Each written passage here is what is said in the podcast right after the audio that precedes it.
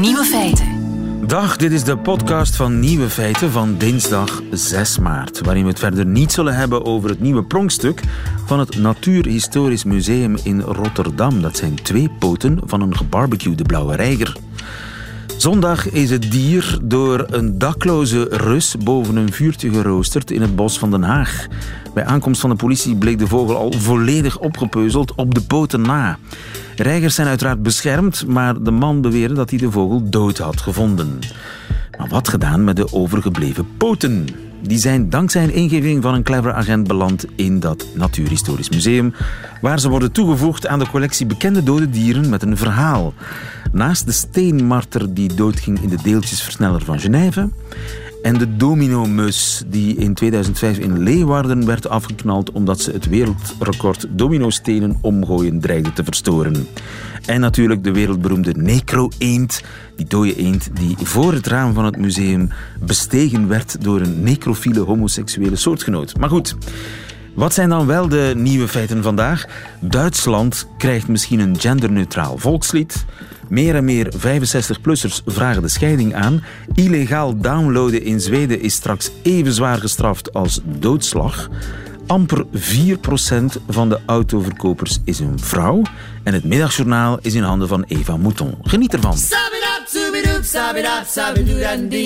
Nieuwe feiten.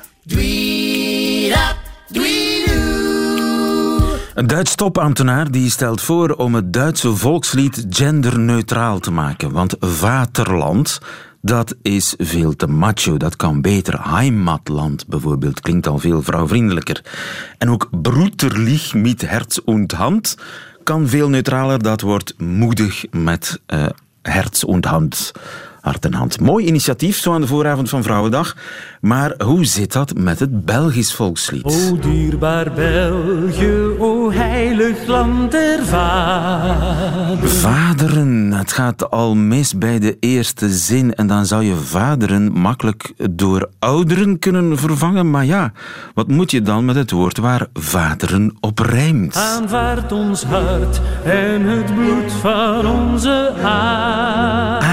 Aderen, begin er maar aan. Nee, ik zit al helemaal vast. Ik heb professionele hulp nodig. In de vorm van Hugo Matthijssen. Goedemiddag, Hugo. Goedemiddag. Een genderneutraal volkslied. Dat is makkelijker gezegd dan gedaan, begrijp ik. Dat is een uitzonderlijk zware opgave. Heb jij een voorstel voor het aderenprobleem, bijvoorbeeld?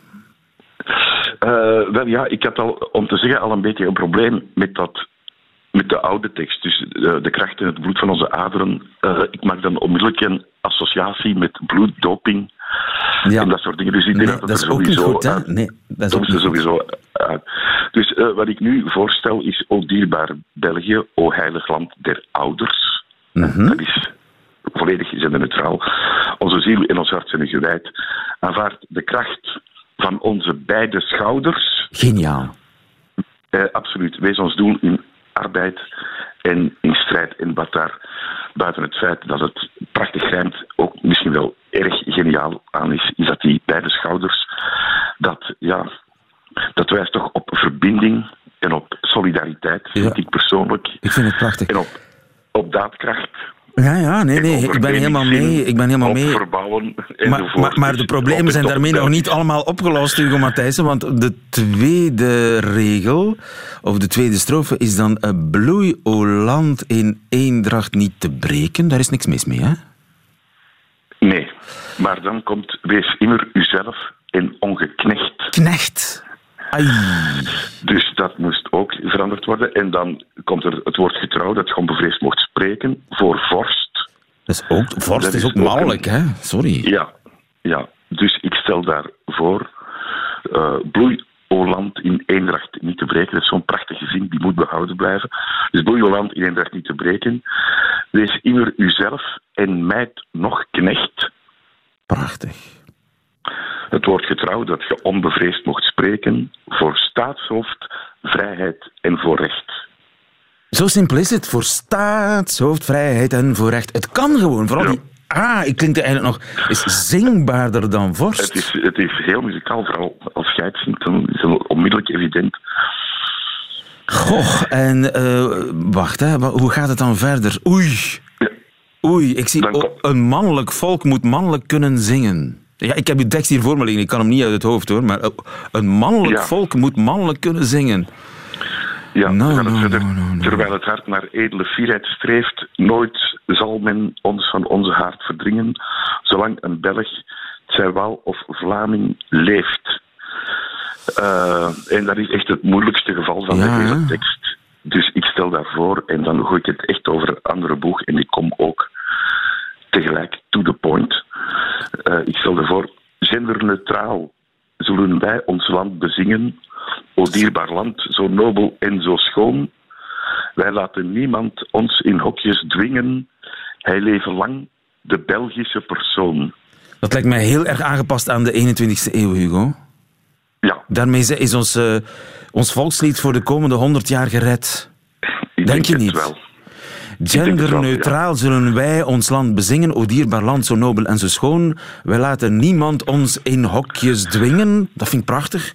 Hij leven lang de Hij Belgische lang, persoon. Ja. Vooral dat persoon is goed, hè. Persoon en, en schoon. Prachtig, prachtig. Daarmee, Ja, dat is eh, er is een pak van mijn hart, maar we zitten nog met eh, een ander eh, ja, moeilijk ding. Dat is die Vlaamse leeuw, hè. Ja, dat is echt een, bijna een hopeloos geval. Dus die leeuw, dat is een mannelijk dier. Hè?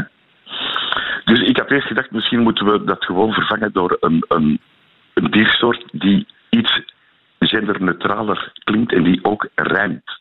Dus Ja. dan komen wij bij de spreeuw. De Vlaamse spreeuw. Maar dat is een Oei, trek- oei, oei. trekvogel, Ik weet niet of ze dat bij alle politieke partijen even leuk gaan vinden, Hugo. Nee, en dan heb je de, de vierde Vlaamse meeuw. Ja, dat is al beter, vind ik. Dat kan verwijzen naar de blauwvoet. Maar de meeuw he- heeft toch een slecht eh, imago tegenwoordig. Ja, de vliegende rat zeggen ze wel eens, hè, tegen de leeuw. Eigenlijk wel. Ja. Dus ik stel daarvoor, maar ik vind het zelf niet ideaal, er is toch veel denkwerk nodig, om eh, gewoon te zeggen het vierde Vlaamse dier. Dus het zou dan beginnen met ze zullen het niet temmen, het vierde Vlaamse dier, al wordt zijn of haar vrijheid bedreigd met woest getier. Het voordeel daarvan is dat het dier zelf in te vullen is. Ja, vooruit wat wils. Maar dat is meteen ook een nadeel, want ik denk voor veel mensen het Vlaamse dier eh, bij uitstek, dat is volgens mij de Golden Retriever. Ja, maar vind daar maar eens een rijmwoord voor, hè. Ja, dus dat is een hopeloos geval. Hopeloos geval. Nu, in ieder geval, wij eh, zetten jouw Brabançon tekst die ik zonder meer eh, geweldig vind en geniaal, die zetten we op onze website. De Vlaamse leeuw, dat is eventueel nog voor verbetering vatbaar. We zetten die erbij. We Ja. vragen aan iedereen of hij eventueel suggesties ter verbetering kan aanbrengen. Hugo Matthijssen, mag ik je van harte feliciteren en danken. En doe de groeten eh, aan Clement. Berends. Dankjewel. Dat zal ik Goedemiddag. zeker doen. Jo, Ja. dag. Nieuwe feiten.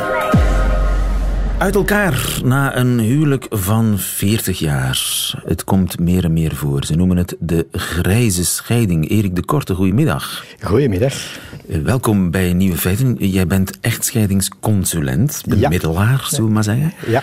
Eh, zijn daar... Overigens, dat Vlaamse dier, eh, eh, ben, eh, heb je daar een alternatief voor? De Vlaamse leeuw? Vla- even, even een zijsprongetje. Nee, ik heb daar geen alternatief voor. maar Ik ben juist terug gaan zitten na, na de Vlaamse Brabant.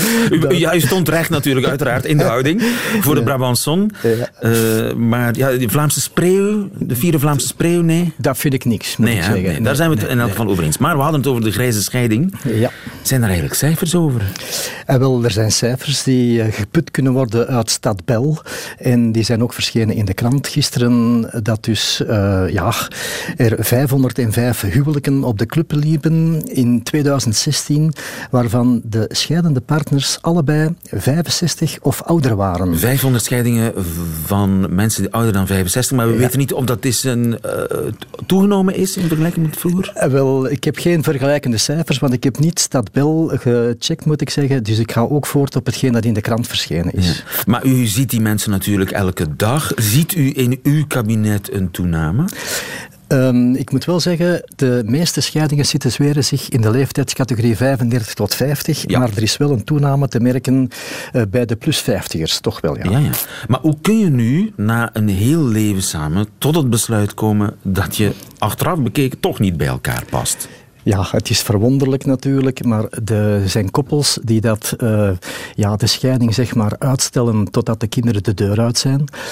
Um, dat gebeurt ook. En ja, soms bijten mensen zo lang op hun tanden, um, ja, omdat ze het heel moeilijk vinden om de knoop door te hakken. Is dat een verstandig idee om op je tanden te bijten? Uh, wel, ik zeg tegen de mensen, uh, ik zet ze niet aan tot scheiden, maar wel tot relatieherstelbemiddeling. Uh, maar als de mensen uiteindelijk ehm, van zichzelf vinden dat de relatie niet meer biedt wat er te bieden valt, wat ze verwachten als minimum, ja, dan is een scheiding te overwegen. Maar de tijd en de energie steken in de relatieherstel is soms meer waard dan voor een scheiding te gaan. Dat is natuurlijk geval per geval uh, ja. af te wegen. Nu, wat is er eigenlijk veranderd dat dat nu meer voorkomt? Ik heb er eigenlijk geen flauw idee van, maar ik denk dat de zelfstandigheid en de onafhankelijkheid van uh, de vrouwen, uh, die dus niet meer direct de moeder aan de haard zijn, maar ook zelf een inkomen verwerven, dat die um, ja, mogelijkerwijs ook toch de indicatie geven van ja, zo kan het niet verder. Ja. En mensen die dat uiteindelijk een bepaalde leeftijd hebben, uh, een man wordt gemiddeld 79,5, een vrouw 82, en als je 50 bent, kun je de vraag stellen, gaan we zo nog 30 30 jaar aanmodderen. En dan wordt die beslissing natuurlijk komt dan wel dichterbij. Ja, ja, het zijn natuurlijk de babyboomers die vandaag de 60-plussers zijn geworden. Ja. En die babyboomers, ja, die, dat, die kun je niet vergelijken met de mensen die voor de oorlog zijn opgegroeid. Nee, als ik kijk naar mijn eigen ouders, um, en met alle respect voor mijn beide ouders, um, maar uh, dat was één jaar is er een strijd geweest tussen mijn eigen vader en moeder, omdat die een nieuw evenwicht waren aan het zoeken.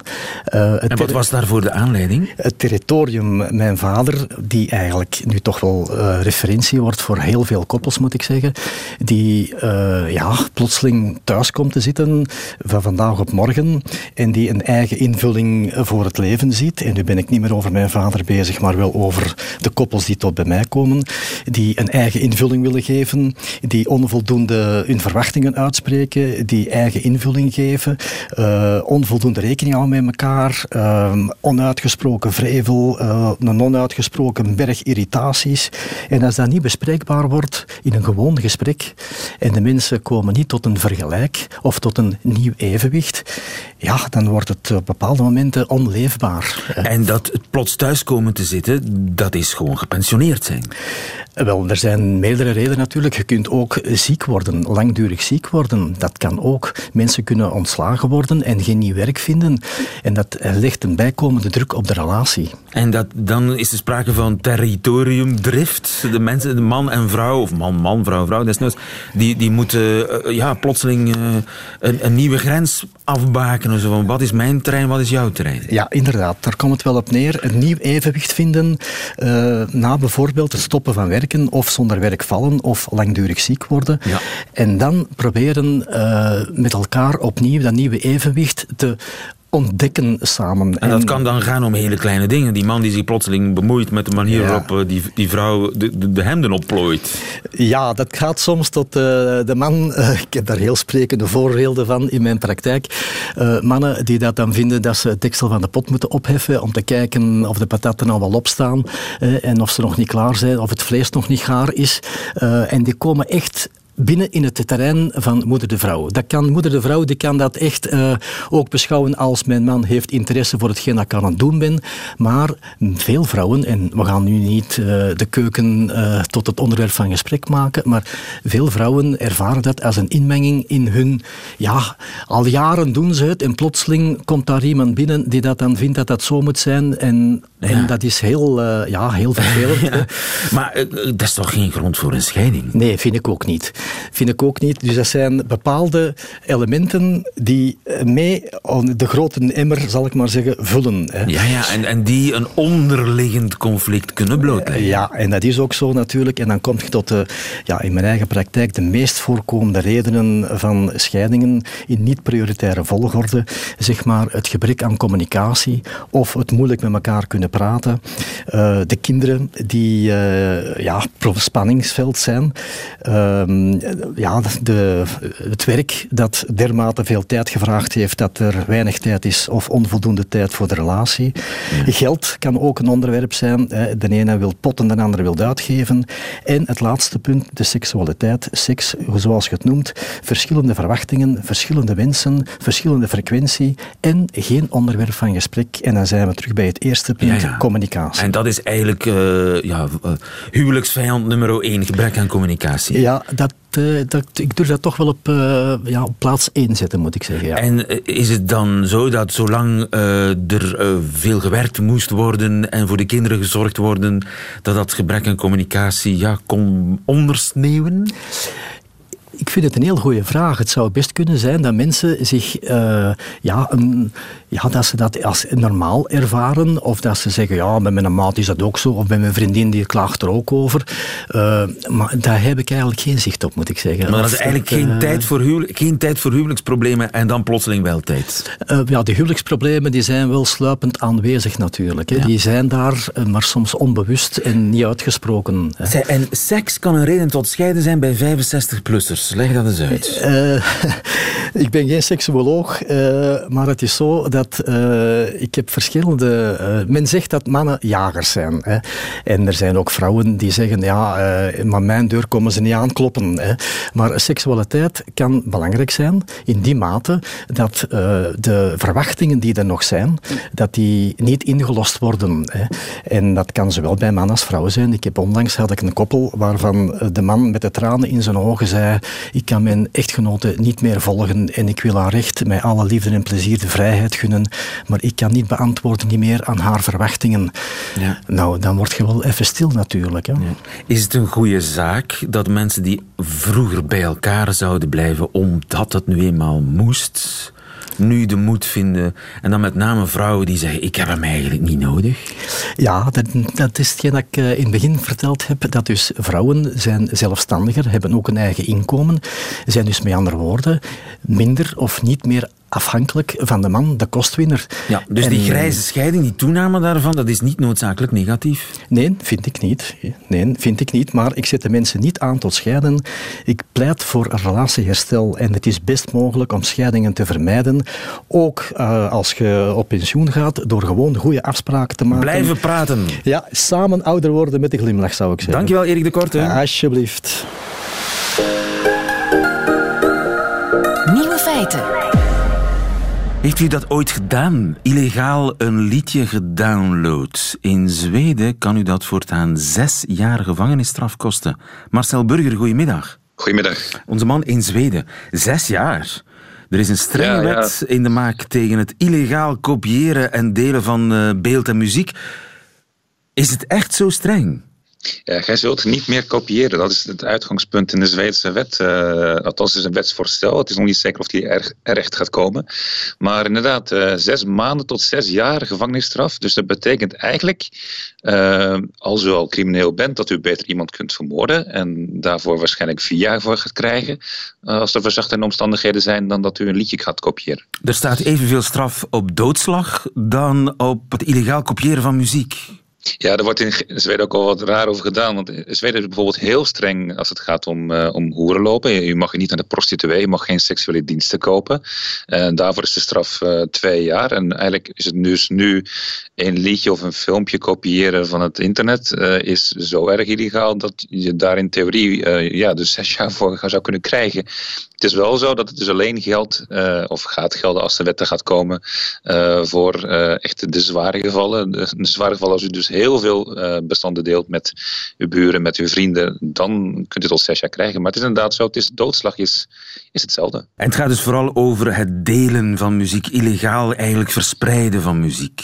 Ja, het gaat, nou, vooral de, de lobby hierachter komt vooral uit de, de film- en de tv-hoek. HBO, eh, al die streamingdiensten die er nu zijn uh, in, in Zweden, Netflix en uh, andere concurrenten, die, die willen eigenlijk niet meer dat mensen dat illegaal gaan gebruiken. De download streamen en het download of het, het, illegaal delen van die bestanden.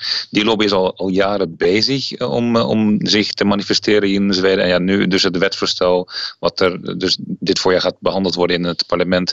Ja, dat spreekt van dat dus een zware straf gaat gelden. Het moet vooral gelden als afschrikking eigenlijk. Um, om mensen bang te maken. Want kijkt u bijvoorbeeld weer naar die hoerenloopwet die er is.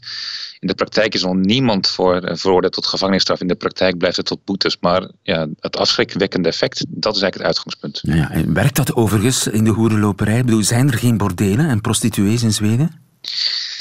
Ja, nee, het werkt niet. De, de, sterker nog, het, de illegaliteit van de prostituees is juist groter geworden. Want het moet allemaal snel afgewerkt worden in, in donkere kamertjes eh, uit het zicht van iedereen.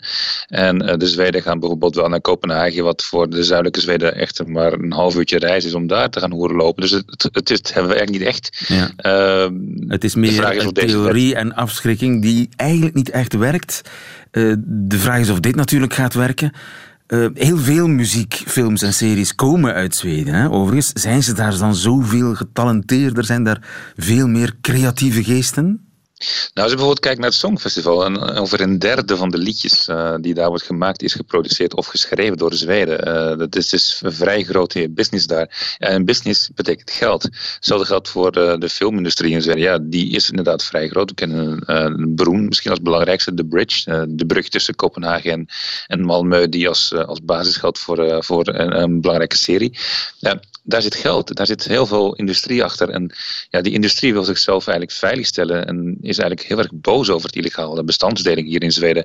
En die is best groot. Bijvoorbeeld de Universiteit van Uppsala, een paar jaar geleden, bleek dat dus daar uh, vergeleken met de hele wereld dat het een van de meest uh, illegaal deelplekken was ter wereld. Na universiteiten van ergens in Afrika.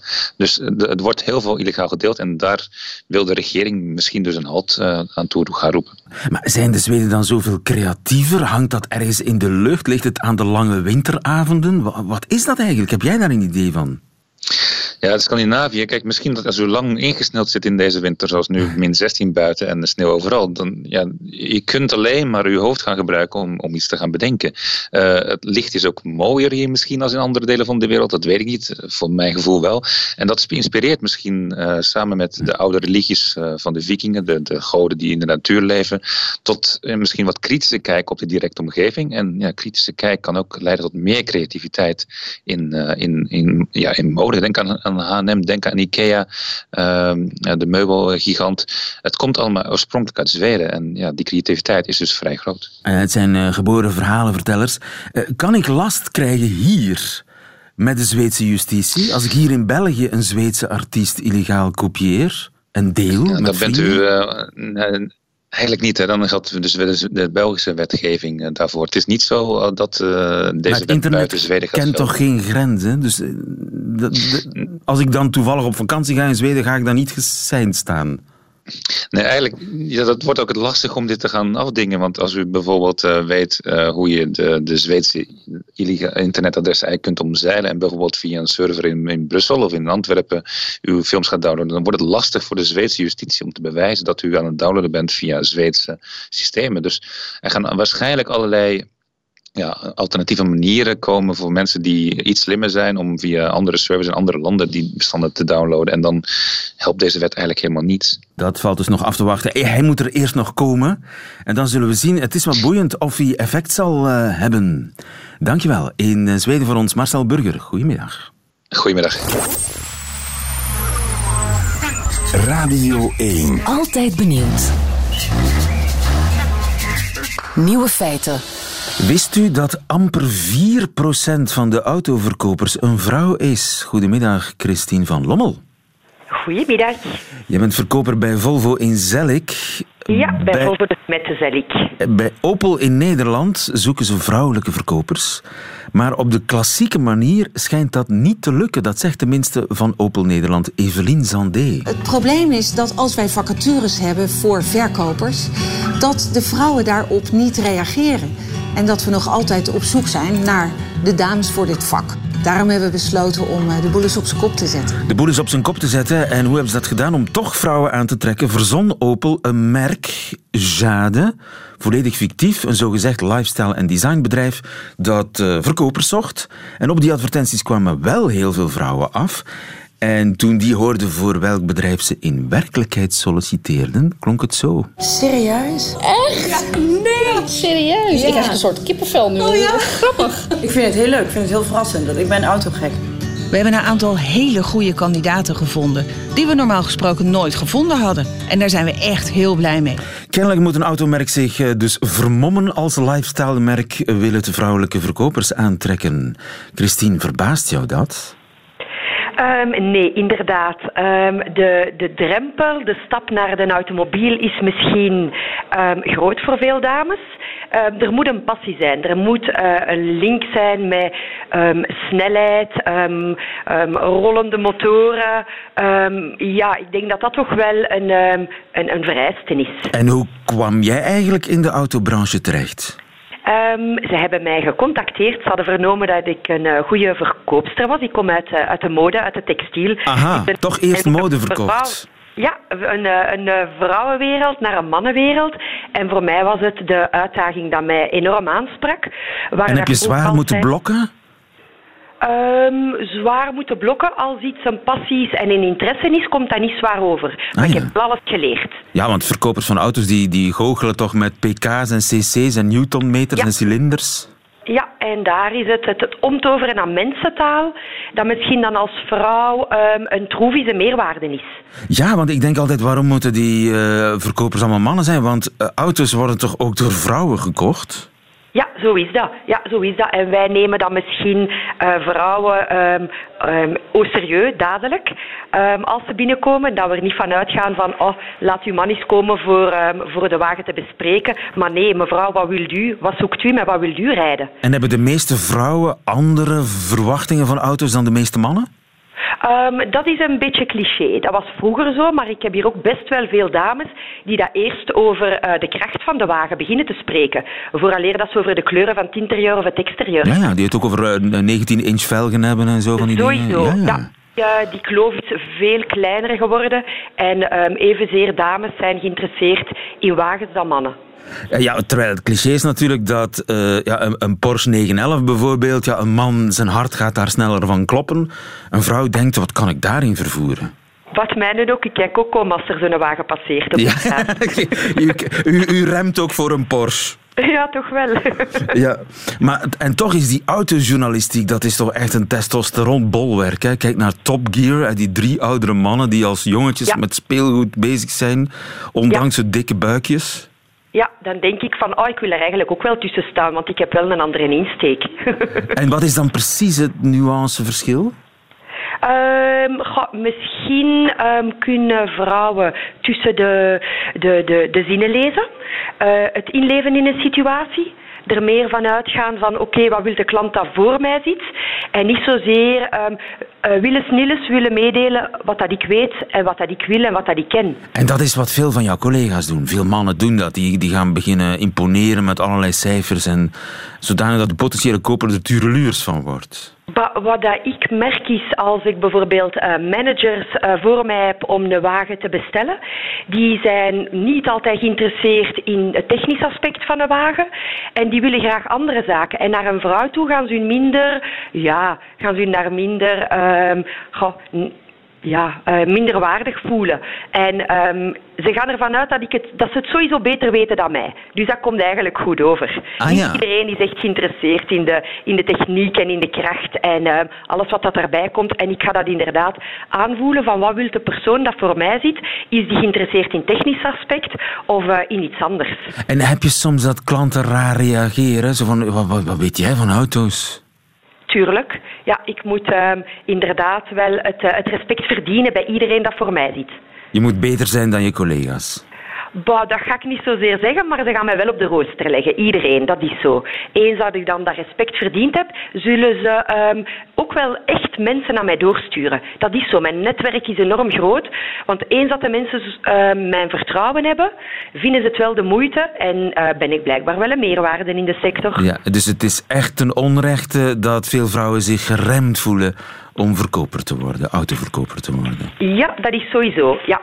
Het is een branche waar dat uh, heel leuk um, werken is, met heel veel afwisseling. Het is een echte uitdaging, maar de passie moet er zijn, want anders walsen ze over u heen. Dankjewel, Christine. En veel succes verder met de verkoop vandaag in de garage. Hartelijk bedankt. Prettige dag. Dag. Dag. Nieuwe feiten. Middagjournaal. Na de positieve bloedafname hebben we een afspraak bij de fertiliteitsarts die ons al een jaar begeleidt. De arts vraagt zoals elke keer: En? Zwanger? De vorige keren had ik voorzichtig: Ik weet niet, geantwoord, maar nu zeg ik: Ja, zeker. Ik neem plaats op de onderzoekstafel voor de echo. Hoeveel keer waren wij hier al geweest? Hoeveel keer had ik al een echo gehad? Om te checken of ik genoeg follikels had, om te checken of mijn baarmoederslijmvlies mooi dikker werd, om te checken of mijn baarmoederslijmvlies misschien nu dikker werd, om te checken of het komaan vandaag toch wel en om te checken of de geplande terugplaatsing echt door kon gaan. Uit gewoonte blijft Bert ook deze keer aan het bureau zitten. Ik wil hem bij mij roepen, zijn hand in de mijne leggen, in zijn ogen kijken, even in elkaars hand knijpen en samen naar het scherm kijken. Maar ik denk, dit is geen ziekenhuisserie, dit is het echte leven, zonder blauwe filter of schone soundtrack op de achtergrond. De arts en ik kijken naar het scherm. Ik zie niets, zoals ik in de auto nog voorzichtig had voorspeld. Het kan ook een biochemische zwangerschap zijn, had ik tegen Bert gezegd. En bereid je voor op een buitenbaar moederlijke zwangerschap. Dat komt wel vaker voor bij IVF. De arts zegt: Zo, dat is duidelijk. Ja, zeg ik gelaten. En dan zijn stem plots vrolijk: Proficiat, het zijn er twee. Je bent nu zes weken zwanger. Oeps, zegt Bert. Oh my god, zeg ik. Wow, zegt Bert. Oeps, zeg ik. Is het wel echt? vraagt Bert. In de weken die op de eerste echo volgen, vraag ik me bijna dagelijks af of twee kinderen wel iets voor ons is. Gaan wij dit wel kunnen? Ik heb nooit in de leiding van de scouts gestaan, roep ik. En misschien ga ik die ene moeder zijn die in de krant komt met een kop die schreeuwt: Moeder van 31 schikt kinderen in mandje en zet ze op de leien. Iedereen roept boe en in het artikel zal staan dat het slaaptekort mij tot waanzin dreef. Twee weken later zijn we weer bij de arts. Ik neem plaats op de onderzoekstafel. Bert komt deze keer wel naast mij staan. Hij neemt mijn hand vast en hij knijpt erin. Een tel later horen we twee hartjes kloppen. Razendsnel, bijna zo snel als het hart van hun moeder. Ik denk, wat zit in een ziekenhuisserie? Dan begon er nu een dansnummer met licht melancholische stem te spelen. Gelukkig is het het echte leven. Op de parking zegt Bert: We kunnen dit. We voeden gewoon twee mondjes en vegen twee poepjes af. Dat is alles. Voor het eerst durf ik hem, ondanks mijn gebrek aan totem, te geloven.